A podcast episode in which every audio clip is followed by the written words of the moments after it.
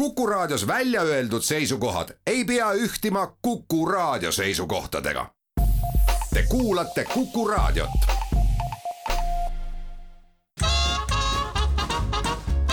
jäljed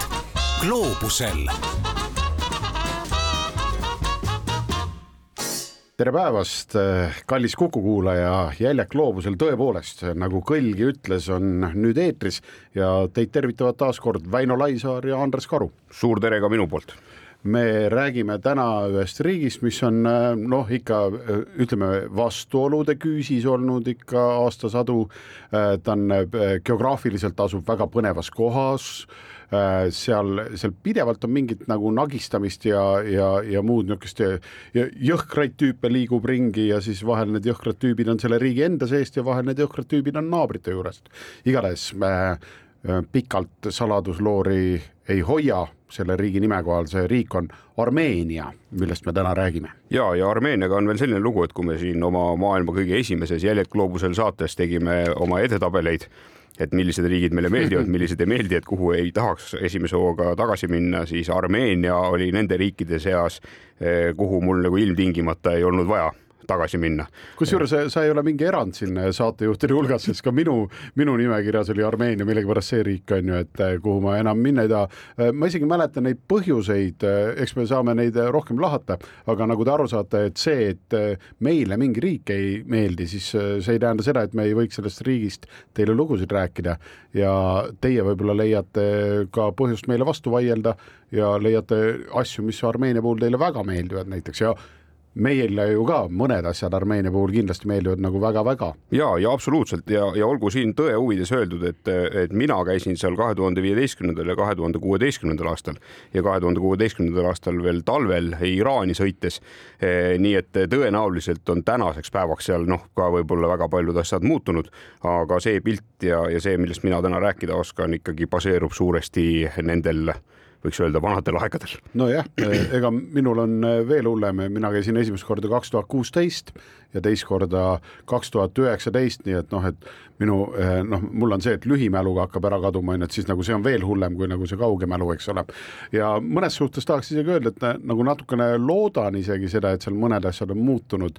sest kui tuua kasvõi mingi näide, et ma ma mäletan väga hästi seda suht tugevat venemeelsust, mis nagu selles riigis oli. ma loodan, et äh, viimase aasta sündmused on seda ka muutnud ja ma tean, et on äh, muutnud ja Armeenia on ka äh, proovinud sihti võtta rohkem nii-öelda Euroopa suunas ja mitte, mitte enam nii sõltuv olla Venemaast. aga noh, kuhu need protsessid lõpuks välja viivad ja kui sügaval need kombitsad siis Vene riigi poolsed seal Armeenia sees on, selle eest noh, mina pead ei oskaks küll anda üks huvitav paralleel, mis mul nüüd sellele ajale tagasi mõeldes pähe kerkis, oli see, et kui toona sai räägitud, et käisime Aserbaidžaanis ja käisime Armeenias, siis need inimesed, kes olid pidanud käima ka Nõukogude armees, ütlesid, et, nende vabariikidega oli see lugu, et armeenlased olid justkui nagu kõrgelt hinnatud Äh, olid noh, sellisest nagu justkui nagu korralikumast liiduvabariigist pärit ja, ja, ja Aserbaidžaanid olid sellised ligadi-logadi. mina näiteks oma kogemustele tuginedes võin öelda, et sellel hetkel, kui mina Armeeniasse jõudsin ja Aserbaidžaanis käisin, olid äh, need poolused ära vahetatud, et üks oli justkui selline uhke äh, suur linn tornidega, lillate taksode ja, ja asjadega linn, kus elu justkui nagu toimis mingi asjaga, aga Armeenia oli kuidagi jäänud sellisesse nii-öelda ajasulgu kinni oma oma sellise veidi äh, rääbaka ja, ja mahajäetud olemusega. Peab, peab küll, jälle seal muidugi saab kaks poolt välja tuua, on ju, et jälle, kui sa kõnnid nagu Jerevani kesklinnas, siis on see, et noh, et vaheta sildid ära, on ju, pane sinna eestikeelsed sildid ja sa võid ennast tunda täiesti nagu oleks Euroopas mingitel hetkedel. aga nii kui lähed Armeeniast, äh, Armeenias nagu pealinnast lähed nagu välja, lähed ka, ma ei tea, riigi suuruselt teise või kolmandasse linna, siis seal ikka nagu see, et ei ole sinna pandud peatänavas kõrvale asfalti maha või noh, et tihti on selline ikka sõidad, hea kui kruusa on, on ju, tihti on lihtsalt niisugune täpselt see, see pinnas, mis seal parasjagu majade vahel on, on ju, sedamööda siis liigud ja sõidadki, on ju, et nii see, nii see tihti läheb, aga kas ma mäletan õigesti, sinul, Väint, sa alati on äh, sellised numbrid ka käepärast, et kas Armeenia oli ka Eestist natukene isegi väiksem riik või? Armeenia on kakskümmend üheksa tuhat seitsesada nelikümmend kolm ruutkilomeetrit. ehk siis on niisugune kaks kolmandikku Eestist. just, aga, aga see ei tähenda seda, et seal keegi keelab inimestel elada, sest kahe tuhande seitsmeteistkümnenda aasta andmetel elas seal kaks koma üheksa miljonit inimest. eks see on siin ajapikku nüüd kuhugi poole eh, veidi liikunud, aga, aga no eks ta on selles mõttes eh, kuulub nii-öelda sellesse suurde tsunfti, kes üheksakümne esimesel aastal eh, taasiseseisvusid, nii ka Armeenia ja, ja kahekümne kolmandal septembril tuhande üheksasaja üheksakümne esimesel aastal oli siis Armeenia ka see riik, kes siis nii-öelda Nõukogude Liidust ennast lahti murdis ja, ja alustas siis iseseisva riigina toimimist. küll tuleb Armeenia kohta öelda seda, et hoolimata sellest, et ta oma nii-öelda olemuse poolest, kui kaardilt talle peale vaadata, asub ta kahe suure mere vahel, üks nendest Mustmeri ja teine Kaspia meri, on ta ikkagi jäänud vaeslapse rolli ja ilma igasuguse merepiirita seal keskel eh, kükitab. nii palju täpsustuseks ka, et, et kuigi nimi on Kaspia meri, siis jääb mere ja ühe suure järve vahele, et eh, Kaspia meri siiski ametlikult on järv. ja absoluutselt, aga noh, nii teda kutsutakse ja, ja, ja ega kui palju vett näed, siis võibki esimese hooga öelda, et, et palju, palju õnne, meil ja. on nüüd oma meri. meile ju tundub Kaali järvgi aeg-ajalt niisugune meremõõtu olevat just oleneb, milliselt distantsilt vaatad. ja kui saarlane oled. just, eh, aga asub ta siis eh, Lõuna-Kaukaasias ja, ja naabriteks on tal siis põhjas Gruusia või Georgia, idas Aserbaidžaan ja, ja siis on seal ka ainult äh, Armeenia enda poolt tunnustatud Mägi-Karabahh oli toona veel vabariik, kui mina seal hetkel käisin. Äh, mis tast tänaseks saanud on, pean tunnistama, ei ole jõudnud hoida näppu pulsi peal, tean, et seal nüüd hilisel ajal olid taas suured rünnakud ja, ja tõenäoliselt ta enam võib-olla vabariigi kujul enam ei eksisteeri aga, aga no ühesõnaga sellel hetkel kahe tuhande viieteistkümnendal aastal sai siis ka selles Mägi-Karabahhis ära käidud, sellest jõuame veel rääkida. lõunas Iraan, mis on ka üheks põhjuseks, miks me kahe tuhande kuueteistkümnendal aastal sealt läbi sõitsime, sest olime teel Iraani ja, ja kõige mõistlikum ikkagi maad mööda on sinna Iraani minna siis läbi, läbi Armeenia, läbi Armeenia, on ju. Ja, ja, ja mis teeb veel Armeenia huvitavaks, on siis see, et edelas asub Aserbaidžaanile kuuluv enklaav. Sellise põneva nimega, Nahitševan. Ma nüüd, no eks ole, kui ma seda nüüd õigesti hääldasin. Ja siis on ta läänes veel äh, otsapidi seotud Türgiga. Ja, ja ja ütleme oma vanasest nii-öelda varajasest ajaloolisest alast on, on Armeenia olnud ikkagi hiigelsuur, aga, aga tänasel hetkel ta ikkagi hõlmab vaid ainult pisikest osa sellest kunagisest Armeenia aladest. Ja, ja sinna nahka on läinud ka nende kõige kõrgem tipp. no ja kusjuures kõrgema tipu, e-, eks Armeenialt on neid e, territooriume napsatud jah, erinevatel aegadel. Ja eks nad ise on napsanud vahepeal juurde ja siis osad on võtnud tagasi ja lõpuks noh, e, no see ongi, et kui kaua ikka naabritega jonnid, siis lõpuks sul ongi Eestist väiksem riik, on ju, ainult alles jäänud, on ju, ja ja selles suhtes on eestlased võib-olla natuke targemad olnud, et me oleme olnud natuke alalhoidlikumad ja õnneks siis meilt on napsatud natuke vähem ära sealt kuskilt ida poolt on ju ja kagu poolt, aga siis jah, selle Araratiga, mis mis kunagi noh, mis on täielik nagu absoluutne nagu sümbol olnud Armeeniale läbi ajaloo ütleme sellest ajast saati ja varemgi juba, kui noalaev sinna piibli väitel ilusti kinni jäi, on ju, eh, tippu pärast suurt veeuputust, siis eh, see tõesti, see, sellega oli see lugu, et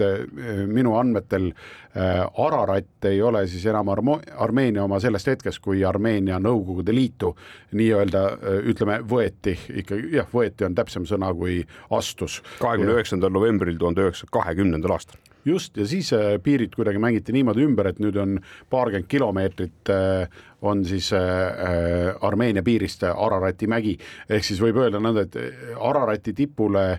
nüüd, nüüdsel ajal on Iraani piir on isegi lähemal, sest Iraani piirini on sealt Araratilt kuusteist kilomeetrit, aga noh, sinna Armeenia piirini on siis paarkümmend kilomeetrit. Ja see on nagu elav etteheide, et ma just vaatasin, kui Jerevanis ehk siis Armeenia pealinnas näiteks hommikul üles tõused ja ringutad rõdu peal ja vaatad siis Ararati mägi nagu elav etteheide, niisugune ilus klassikaline vulkaan, niisugune püramiidias, see naeratab sulle vastu ilusasti, päike särab seal lumistel äh, nõlvadel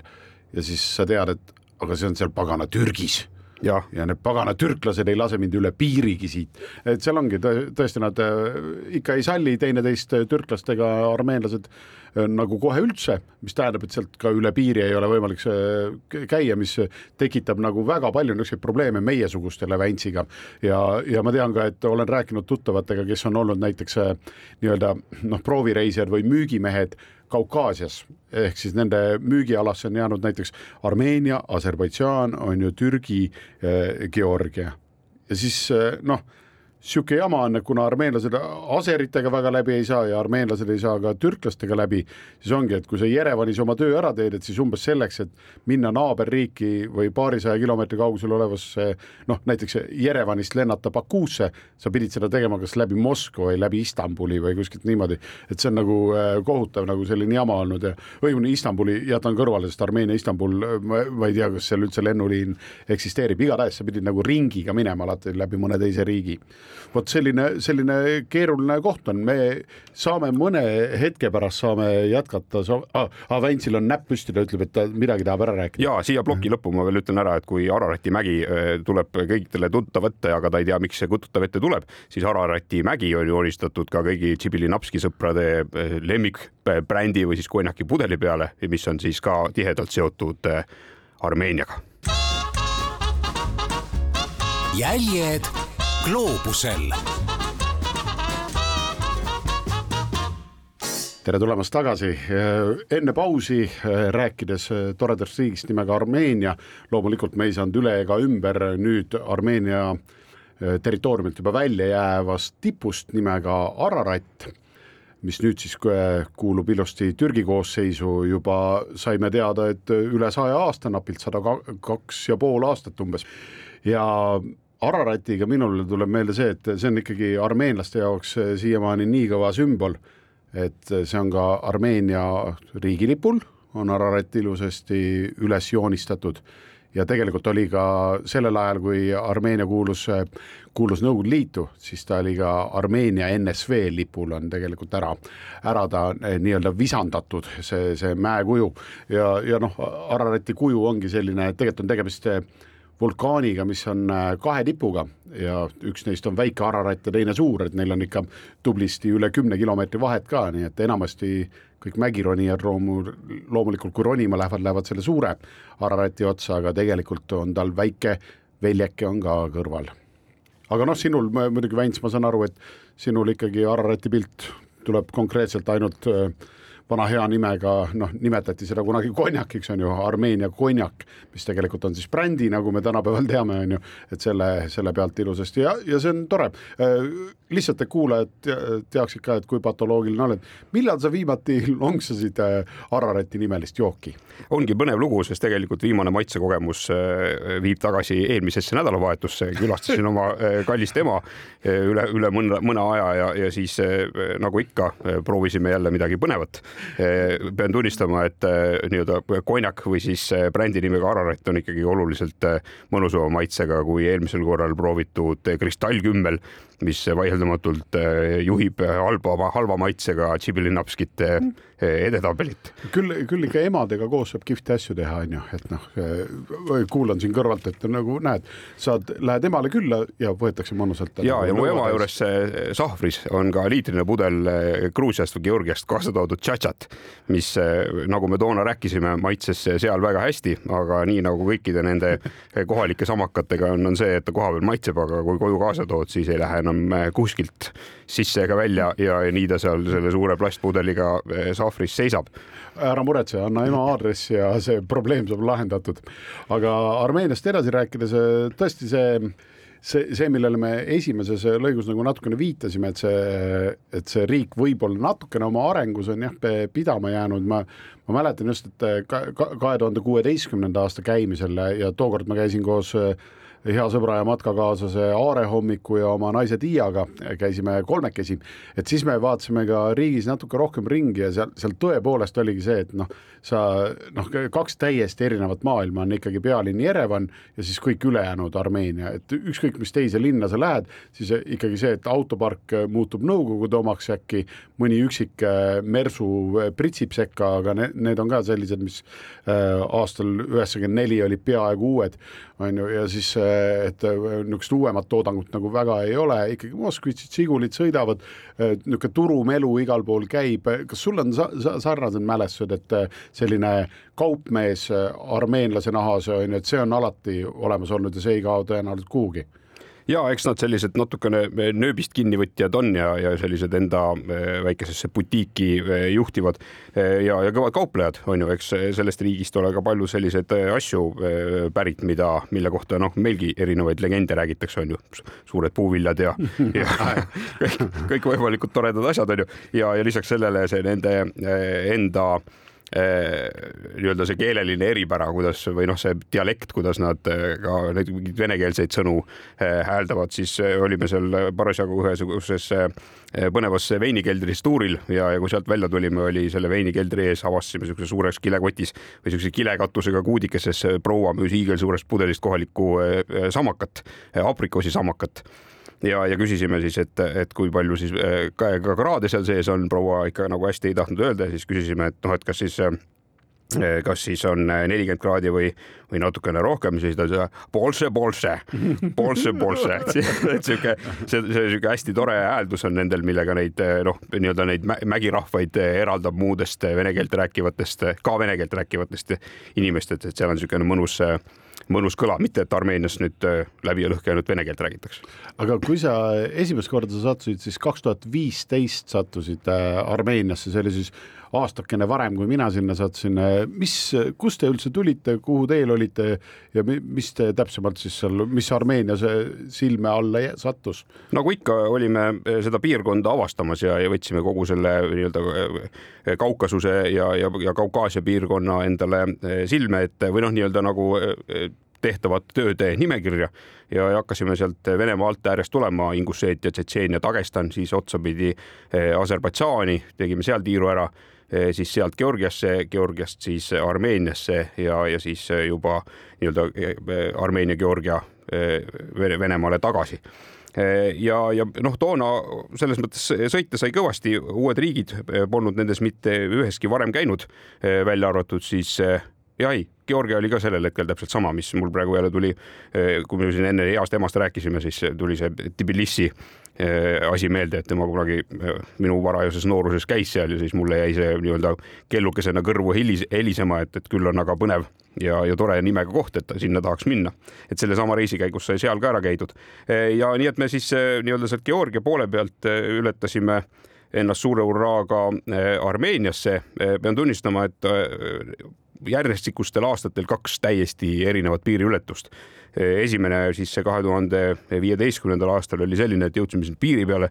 keegi mitte midagi aru ei saanud, keegi mitte midagi seletada ei osanud, iga mees oma putkas näitas järgmise putka poole, kuhu tuli minna. jõudsid selle näitamise peale lõpuks viimasesse putkasse, seal öeldi, et mis sa siia tulid, sa pead sealt esimesest hoopis alustama. noh, selline asi, teine asi, mis kohe nagu ilmselgelt äh, silma jäi, oli see äh, nii-öelda järjekorras seismise kultuur või siis võiks öelda kultuuritus et, et see, kui sul on üks aken ja, ja seal taga, siis oleks nagu loogiline, et sul on üks järjekord, kus siis igaüks järgemööda käib oma dokumente vormistamas, siis seal noh, seda mingit moodi nagu au sees ei hoitud, mis tähendas seda, et kogu see parv eh, sumises sealsamas selle ühe akna ees, kõik käed pistsid oma dokumente, pabereid sinna vahele. vahet ei ole, kas sa olid siis eh, seal kuskil osja järjekorras ja, ja üritasid nagu mingit loogikat sellesse protsessi luua või siis mitte, vahet ei ole, ronisid üle selja, ronisid käte alt läbi, ronisid jalgade alt läbi. peaasi, et saaks kiiremini sinna leti äärde pressida, mitte et nagu protsess selle võrra eh, kiireneks. ja, ja siis meil ei olnudki muud, meil oli siis onu Raiu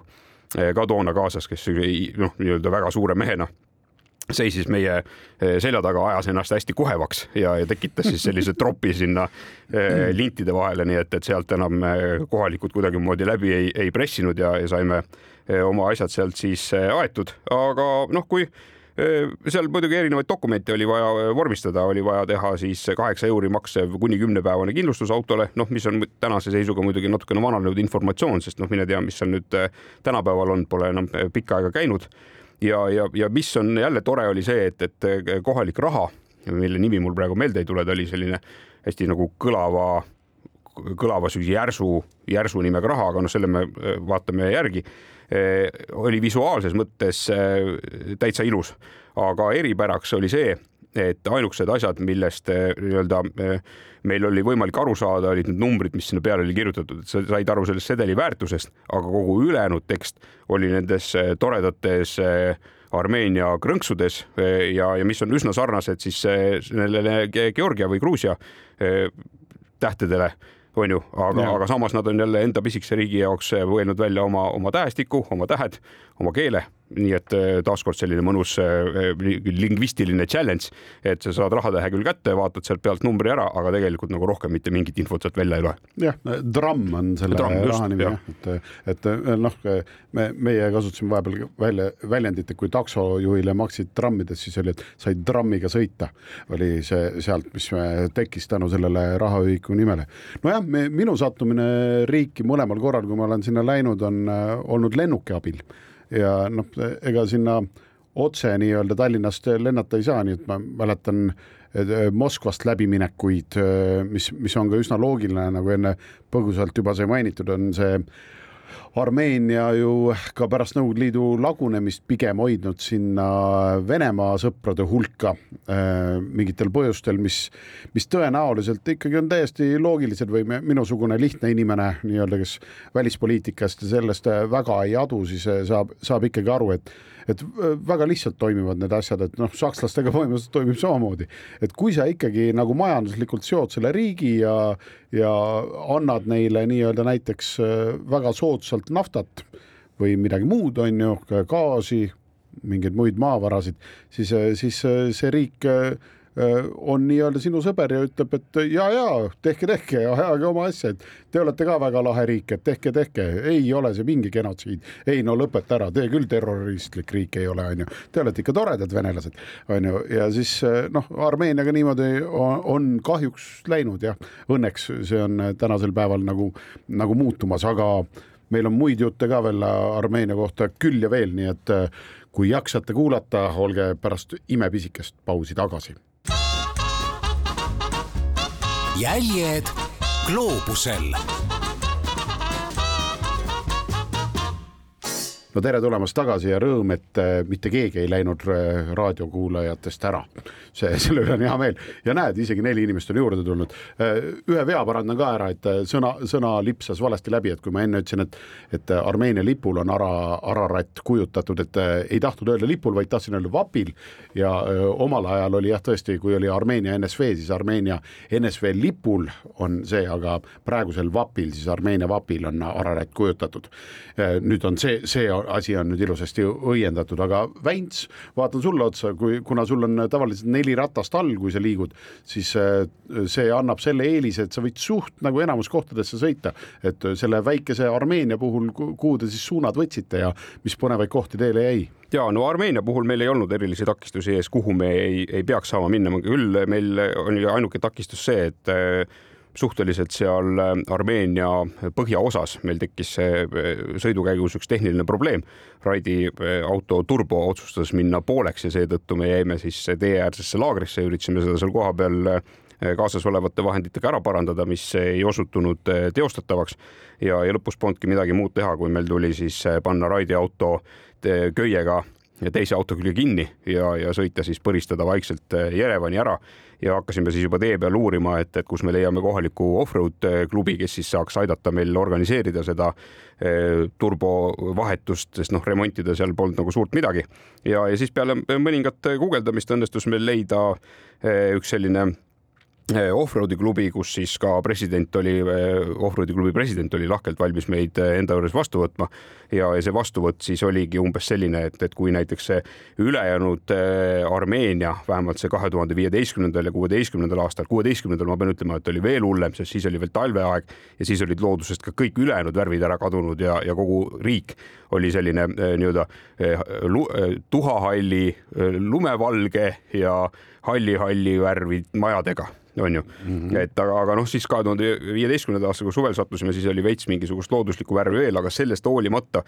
jättis see Armeenia sellise hästi rääbaka vana ja, ja, ja sellise katkise, katkiste majade, katkiste hoonetega riigi mulje, et niikaua, kuni me sinna eh, selle Jerevani poole sõitsime, siis tee ääres olid kõik maha jäetud tehased on ju, olid mingisugused tanklad olid katki, majad olid katki, poed ei töötanud, inimeste enda elamised olid ligadi-logadi, igal pool vedeles mingisugust sellist vanametalli prügi. noh, kõige markantsem näide on võib-olla see, et, et paar venda olid suutnud endale autovrakkidest maja ümber üldse aia teha, olid need poolest saadik maasse kaevanud, onju ära kasutatud aia tegemiseks neid toonaseid nõukogude ajal kasutuses olnud põllu peale lennujaamade rajamiseks neid selliseid perforeeritud raudplaate on ju, noh, neid leiab ka veel siin, ütleme Eestimaa peal ringi sõites, Saaremaal on näiteks üks tore eh, matkarada, millest eh, ei ole mindud niisama seda üle raba minevat teed puust tegema, nii nagu, nii nagu nad tavaliselt on, vaid, vaid on ka seal neid sama lennujaama või lennu, põllulennuvälja toestamise plaate kasutatud on ju ja, ja noh, neid leiab veel nipet-näpet, et ega nad meie maalt ka päris ära kadunud ei ole. aga noh, nii massilist kasutamist kui, kui Armeenias mina küll teistes riikides ei ole näinud Eh, ja, ja noh, ühesõnaga eh, see Jerevan ise on selles mõttes tore linn, seal on eh, umbes üks koma üks miljonit inimest elab seal või vähemalt tollel ajal elas ja, ja see on üks, üks maailma vanimaid püsiasustusega linnasid üldse. noh, ajalugu on tal väga pikk, on ju. ja, ja, ja kui ülejäänud linn jättis sellise suhteliselt rääbaka ja ülejäänud riik jättis suhteliselt rääbaka mulje, siis nende kortermajade sisemus noh, ma kujutan ette sellel hetkel, kui sa nagu sealt fassaadist eh, korteri sissepoole saad, siis need olid kindlasti kõik ääreni kulda ja kalda täis. et eh, vähe sellest, eh, kui näiteks korteri inimene mõtles, et tal ei ole rõdu vaja, siis ta oli oma rõdu üldse kinni ehitanud, kui talle tundus, et välisfassaad vajab parandamist või kaunimaks tegemist, siis ta oli oma kortermaja välisfassaadi mingisuguse veidra vahendeid kasutades ära krohvinud. noh, nii et kui sul on näiteks üheksakordne paneelmaja, siis kuuend-, kuuendas korteris või kuuenda korruse peal on ühe korteri peal lihtsalt nagu äh, sein äh, punaseks krohvitud, onju, ülejäänud maja on see mhm. tuhkall, üks vend on ära teinud, onju, mõni oli endale teinud äh, rõdule laiendusi, mõni oli ehitanud endale rõdu veel suuremaks ja teinud sinna kasvuhoone, no ühesõnaga iga mees oli teinud oma korteriga, mis ta sai, väljast nägi hiiglama õudne välja aga seest tõenäoliselt oli väga-väga ilus ja, ja nii oli ka selle Offroad klubi kontor, et asus sellise vana rääbaka kõveriku maja all aga uksest sisse läksid põhimõtteliselt kuld, kuldkard igal pool, valge, noh, kõik imeilus onju. et, et, et see oli selline suur eh, kontrast, mees ise oli väga sõbralik, rääkis jälle selles samas eelpool mainitud mõnusas, mõnusa aktsendiga eh, vene keelt ja, ja muidugi hakkas siis, istus oma suure direktori laua taga, nagu direktor ikka peab istuma ja, ja hakkas siis igale poole helistama ja, ja siis eh, jõudis mõningase helistamise järel sellisele järeldusele, et kaks turbot on meil võimalik Jerevanist endale saada. et, et, et meid tuleb nüüd vedada mingisugusesse remondiasutusse ja siis mehed hakkavad kohe eh, turbot otsima vedasime auto sinna ära, läksime ise siis eh, hotelli, hotell oli noh, paraku sattus, kuna me ei ole, ütleme sellised matkajad, kes kindlasti kindla peale mingites väga sellistes uhketes ja kallites hotellides magame, vaid pigem vaatame sellise variandi, kus veest, seinast lihtsalt vett tuleb, et vahepeal pesta saaks ja öö saaks veeta, siis, siis sattus seekord selline hotell mis võib-olla väljast nägi natukene parem välja kui seest. Ja, ja eh, aeg oli ka tõenäoliselt mööbli mõttes jäänud sellesse samasse aega, kui hotelli helistati, mis tähendas seda, et eh, meie toas oli üks suur voodi, mille peal siis kaks härrasmeest said ennast ilusasti sisse seada ja, ja minule sellise tagasihoidliku ja leebe inimesena jätsin selle variandi, et magan siis sellise lahti tõmmatava eh, diivankusseti peal mis paraku äh, oli äh, tehtud sellisena, et, et lihtsalt sellele puuraami peale oli kangas peale tõmmatud. pehmenduseks äh, midagi sinna pandud polnud. hüppasid hooga muidu peale või? noh, ütleme lebastusin kergelt, aga tõusin samasuguse pulgana, nagu olin öösel sirgelt maganud, et kõik luud ja kondid olid, olid kohutavalt valusad. ja siis, kui me hommikul suure rutuga sinna remondi kohta tagasi jõudsime, et nüüd äkki töö käib juba, mehed on leidnud turbo, siis tuli vahepeal telefonikõne, et see üks turbo, mis olemas on, seda ikkagi ei ole olemas kui me jõudsime sinna remondi kohta, siis äh, kohalikud äh, remondimehed ütlesid suurte silmadega, et äh, ahaa, teie autod, et mis teil siis juhtus ja, ja siis noh, et, et, et me rääkisime kõik eile ära, siin on kokku lepitud, et keegi pidi turbot otsima, ah teil on turbot vaja, et me ei teadnud, et teil nüüd kohe seda turbot hakkame vaja on. otsima. hakkame turbot otsima, et võtke see turbo nüüd siit auto pealt maha ja siis me lähme selle turboga kuskile teise turbo juurde ja võrdleme, et kas see on samasugune detail on ju ristame, no ühesõnaga aeg venis, midagi ei toimunud, kõigil oli kogu aeg suur üllatus, et me siin oleme ja et meil on turbot vaja ja et turbo tuleb maha võtta ja, ja hoolimata sellest, et kõik tootenumbrid ja asjad on olemas, on vaja lihtsalt vaadata, kas see teise turbo peal number klapib. ei, noh, see ei huvitanud. ühesõnaga lõpus me ei jõudnudki kokkuleppele, nii et me vedasime siis äh, auto sealt ära ühesse teise äh, töökotta, kus siis ma, küsin korra vahel, et kui sa ütlesid ka, et te pidite vedama alguses selle Raidi auto nagu Jerevani Armeenia ei ole väga niisugune mittemägine maa, üsna mägine maa on, kas teil nagu niisugune köie otsas transportimine, kas seal nagu ohtlikuks kuidagi ei läinud või, või pidurid töötasid nagu ilusasti või? pidurid töötasid ja, ja saime hakkama, eks ta nagu suures osas tulebki erinevate languste või laskumiste peal ikkagi noh, kasvõi käiguga pidurdada ja mingisuguseid muid alternatiive seal teha, onju. mina, mina ju autovõhikuna ei tea isegi seda, et oota, kui turbo nagu pekki läheb, kas see tähendab, et auto nagu tööle saad panna või? auto saad tööle panna, aga sõita ei saa, sest noh, jõudu ei ole ja, ja.... jõudu ei ole, aga pidurdab siis, kui süüde on taga, siis nagu pidurdada saad normaalselt eh, jahutab mootorit. ja vanal autol saad ja... pidurdada ka siis, kui süüdet ei ole, nii et, et selles osas aha, on nende vanade aha. autodega reisimine veidi, veidi, veidi lihtsam ja, ja teostatavam. ühesõnaga jah, see, aga kui sa nüüd juba mägisusest rääkisid, siis tõepoolest Armeenia on väga mägine riik umbes. umbes üheksakümmend protsenti riigi pindalast on üle tuhande meetri kõrgune on ju, ja keskmine kõrgus on üldse tuhat kaheksasada meetrit eh, merepiirist, mis tähendab seda, et noh, et tegelikult nagu ütleme, sirget jutti, nii kuidas eh, horisont silme ees eh, hägustub, noh, seda pilti ikkagi niisama naljalt ei näe. mingi karjus jääb ikka ette. mingi karjus jääb ikka ette, just nimelt ja, ja no aga, aga kui sa nüüd ütled, et see nii-öelda piirkond või ütleme, maastik on keeruline, kus järel vedada, siis kui sul alternatiiv puudub, siis ei ole sul varianti, on ju, siis mm -hmm. sa mhm. lihtsalt vead ja, ja loodad, et nii see vedav tehnika peab vastu, kui siis peab vastu ka see tehnika, mis seal nööri otsas järgi tuleb no vot. ja, ja, ja mis seal teises? Äh, teises no, olid tehti? natukene juba nagu mõnusamad mehed, seal said aru, mis teha tuleb. üks mees tuiskas kohe linna teise otsa äh, turbot otsima, lubati kellegi auto pealt maha keerata, et kallid külalised endale uue turbo saaks ja saaks et reisi jumales, jätkata. et jumala eest kauaks ei jääks. ja seni, kuni see mees äh, oli nii-öelda turbojahile läinud, siis asusime ise seda vana turbot maha võtma ja eeltööd ära tegema, et kohale tuleb, paneme klõps külge ja saame kohe minema. noh, muidugi nii kibedasti see ei läinud. vahepeal tuli lõuna kätte ja, ja siis kutsuti meid seal garaažis suurele lõunale, selline ühine, ühine laud oli kogu garaaži personal kogunes kokku sinna. pakuti kõikvõimalikke huvitavaid sööke, üks, üks maitsvamaid võib-olla, mis seal laua peal oli oli siis Jaitsnitsa nimeline munaroog, mis on küll, ütleme nime poolest justkui nagu Poola päritolu, sest noh, Poola vana Jaitsnitsa ma kiidan ja, ja soovitan kõigile, kes Poolasse satuvad, siis Jaitsnitsat tasub tellida. see oli umbes samasugune, sihuke arusaamatult nagu poolpraetud, pool keedetud munajamps Eh, läbi segatud tomatijuraga, aga maitse poolest fantastiline. ja selleks kirjeldas mingi, mingi jamps oli mingi juraga läbi segatud, jube maitsev. absoluutselt ja selleks, et see kõik paremini alla läheks, eh, toodi ka siis laua peale paar pooleteist liitrist eh, pudelit, kuhu oli villitud umbes kuuekümne kraadist aprikoosiviina ja, ja, ja noh, see siis ikkagi ütleme, selle võrra läks remont ka kiiremini see, seda on nii ilus kuulda ja nii palju eh, mälestusi tuli endalgi Armeeniast eh, meelde ja üldse Kaukaasiast, kuid me ei saa nendest rääkida varem kui pärast pisikest pausi. jäljed gloobusel. Tere tagasi, Jäljed gloobusel. Jätkab kolmekümne üheksas saade. Sellest sarjast räägib täna toredast riigist nimega Armeenia, Väino Laisaar ja Andres Karu on mikrofonide taga ja jäime Väints äh, pidama seal, et äh, lõbusalt siis mõnusa kuuekümne kraadise äh, Tširvipitški on ju äh, abil äh, vahetasite turbot parasjagu teises turbo vahetamise kohas. kuidas ja. selle lõpuks õnnestus ka või? Eh, lõpuks ikka muidugi õnnestus. Eh, ma veel tahaks korra tulla tagasi, et me oleme väga maailma, väga erinevates maailma paikades pidanud erinevaid remondipeatusi pidama. Eh, aga, aga selline vastuvõtt. me mõtleme, me mõtleme autoremondi. autoremondi jah, ja mitte enda helipea puhastamist, vaid, vaid autoremondi peatust, aga, aga see oli nüüd küll esmakordne selline juhus, kus siis nii-öelda meile kui kallitele külalistele, kes abi vajasid, kaeti spetsiaalselt selline uhke töölaud kogu garaaž pandi kinni selleks hetkeks, kui lõuna peale tuli, kõik kogunesid pika laua taha. selleks hetkeks olid siis kohalik kokk oli valmis vaaritanud nii nende oma töötajatele kui ka siis meie tarbeks meeletu kogus head sööki, millest sellest põnevast jaitsnistast sai juba, juba räägitud, onju. ja, ja, ja, ja siis toodi laua peale ka suure sellise plastikkilekotiga, ütleme sellise käterätiku suurusi siuksed saiad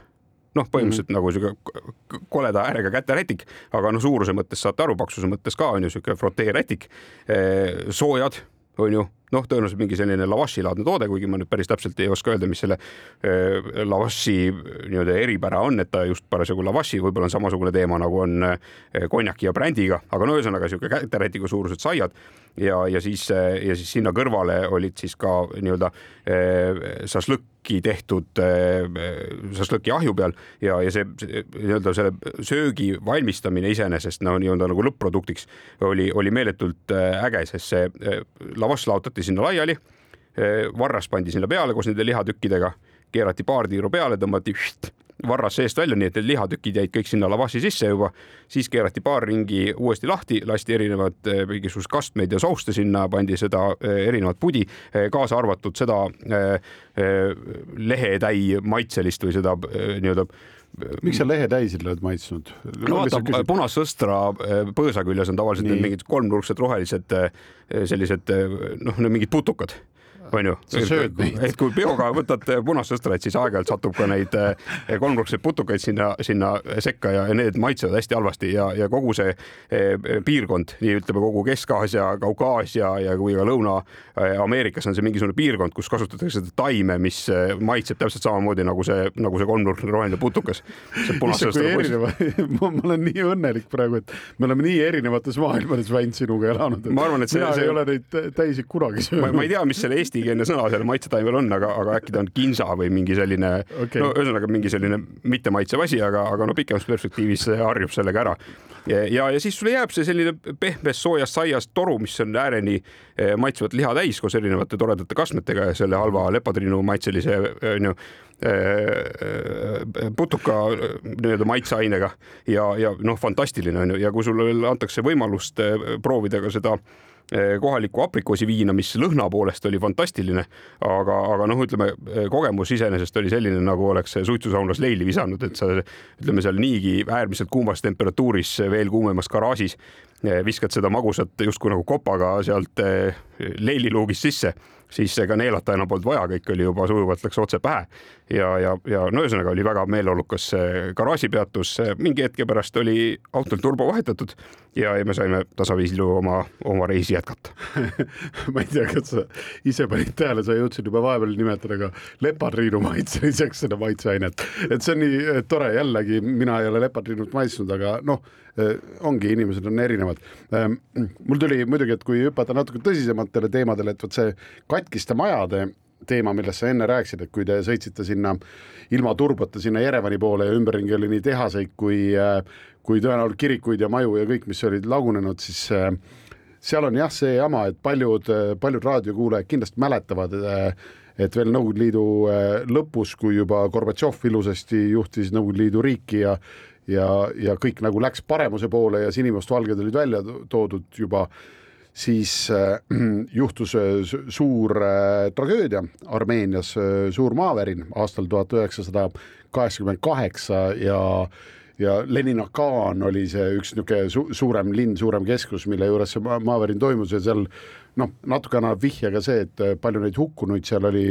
just see, et see, see arv on väga suurelt erineb erinevates äh, paikades, kus äh, statistikat tehti selle kohta, see tähendab ka seda, et ega Armeenias kõik inimesed üle loetud tol hetkel ei olnud, sest äh, erinevatel andmetel kakskümmend viis tuhat kuni viiskümmend tuhat nagu armeenlast selle, selle tagajärjel hukkus.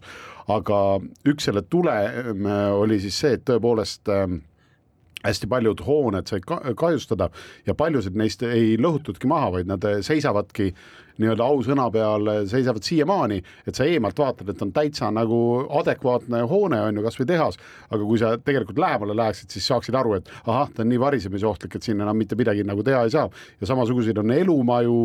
ja samamoodi on kirikuid ja, ja mulle nagu nende, kuna nad on nii-öelda moslemitest ümbritsetud suhteliselt on see Armeenia on ju olnud ajalooliselt kogu aeg. Ja kristlastena seal siis äh, neil loomulikult usk on olnud äh, see jõuandja ja, ja millest nad on väga tugevasti alati kinni hoidnud ja kristlased on olnud ausad, siis äh, nende kirikutega ma, üks asi, mida ma märk-, märkasin, oli see, et kui sa ka näiteks taksoga sõidad, et alati, kui kirikust mööda minnakse, siis äh, nad löövad risti ette, taksojuhid ka rooli taga. Ja mingil hetkel ma märkasin, et sõidame ja ta lööb risti ette mitte mingit kirikut ei ole. ja siis küsisin taksojuhi käest, et äh, oot, et aga et sa lõid praegu risti ette, et tavaliselt teete seda ju kirikute juures, ta ütles jah aga seal ei olnud ju mingit kirikut või ma lihtsalt ei näinud, ütles, aa jaa, et seal enne kaheksakümne kaheksandat oli kirik, mis nagu varises kokku. Lihtsalt, aga isegi selle koha peal, kus kunagi on kirik olnud, et see on nii püha paik, et nad isegi seal löövad, löövad risti ette, aga jah, et see see, see jälg sellest Leninakani äh, maavärinast, kui keegi kaarti endale ette kujutab, et kui te enam-vähem näete, kus on Jerevan, siis äh, Leninakan on Jerevanist äh, noh, jämedalt põhja pool kergelt nagu loode suunas on see, kus oli epitsenter, aga, aga noh, kuna ta on väike riik, siis tõepoolest neid, ta rappus igal pool ja need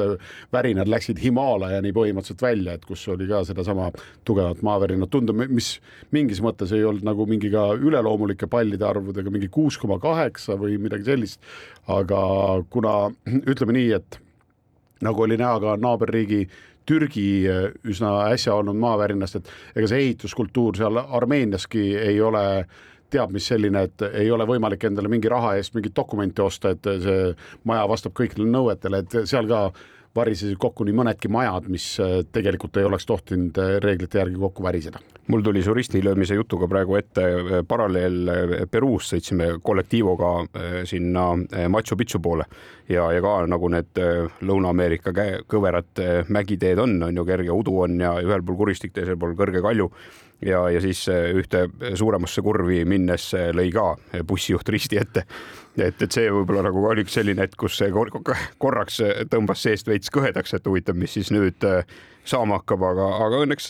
noh, sõit jätkus ja, ja kõik oli Kässariga okay. võttis ilusti kurvi ära ja, ja, ja see mägiteede bussijuhid on muidugi täiesti eraldi klassifikatsioon nagu see see, see, kes esimest, kui te esimest korda satute nagu äh, mägedesse minema, siis mina, mina soovitaks, et äh, ärge kohaliku mingi liinibussi peale küll istuge, sest tavaliselt kohalikud liinibussid ei ole tehniliselt kõige paremas korras. Ja see, kuidas need vennad nagu on harjunud seal sõitma ja kui rahulikult ülejäänud sõitjad seda võtavad, see see, see tundub alguses täiesti hoomamatu ja sa oled nagu totaalselt paanikas ja sõrmenukid on äh, valged ja valusad, sest sa hoiad kogu aeg istmes kinni. meil on reiside käigus äh, tekkinud selline äh, nii-öelda folkloorne väljaütlemine, kui näed väga katkist autot, noh, mis kuidagi nipet-napet koos seisab, et need on kõik need, mis lähevad just parasjagu ülevaatusele ja, ja maailmas on olnud kaks riiki, kus kõik autod lähevad ülevaatusele, üks nendest oli Mauritaania, eriti selle pealinna ümbrus ja, ja teine mul kangastab kohe silme ette sellesama väljandi valguses eh, Armeenia. Eh, aga see eelnev jutt, mis ma tahtsin öelda, et need majad olid katki ja kõik oli ligadi-logadi eh, ja, ja aga noh, see vastuvõtt igal pool oli, oli hästi tore, siis, siis ma tahangi öelda, et, et mitte nagu jätta siia saate lõppu niivõrd trööstitut muljet sellest Armeeniast, siis inimesed oma olemuselt olid kõik täiesti nagu fantastilised hästi,, hästi-hästi lahked hästi,, hästi-hästi külalislahked, eh, ka hästi uudishimulikud ja, ja, ja noh, valmis sinuga igal hetkel suhtlema ja, ja sind eh, aitama, nii nagu nad parasjagu oskasid. ja eh, pean täiesti nõustuma, et inimesed tõepoolest on seal lahked, mis ei tähenda, et nad äri ei oska ajada ja nad ei oskaks sult raha ära võtta, aga nad teevad seda siiski pigem legaalsel moel kui see, et, et ei panda nii-öelda nuga sulle kõrile, et sinult midagi kätte saada, aga kuigi me alustasime saadet Vantsiga täna sellega, et Armeenia on üks nendest riikidest, mille me, kui me oma saatesarja Jäljak gloobusel alustasime eelmise aasta juuli alguses, siis me tõime välja kui riigi, kuhu me ei viitsiks enam tagasi minna, et me mõlemad oleme seal kaks korda käinud siis äh, vaatamata sellele on tund läinud nagu lennates, mis tähendab ja me ei ole rääkinud ära üldse nagu Armeenia kõrgemasse tippu minekust näiteks, nii et ilmselgelt tähendab see seda, et Armeeniast tuleb kaks saadet ja te saate meid järgmine nädal edasi kuulata. suur aitäh äh, praegusel hetkel, Väino Laisaar ja Andres Karu olid teiega, rääkisime Armeeniast ja see oli esimene osa järgmisel nädalal Armeenia teine osa, nii et näeme jälle. suur tänu kuulamast ja püsige avarad. see oli tore, et ma ütlesin näeme jälle, kui ma olen raadios, on ju, andke, andke mulle, armsad kuulajad, andeks. jäljed gloobusel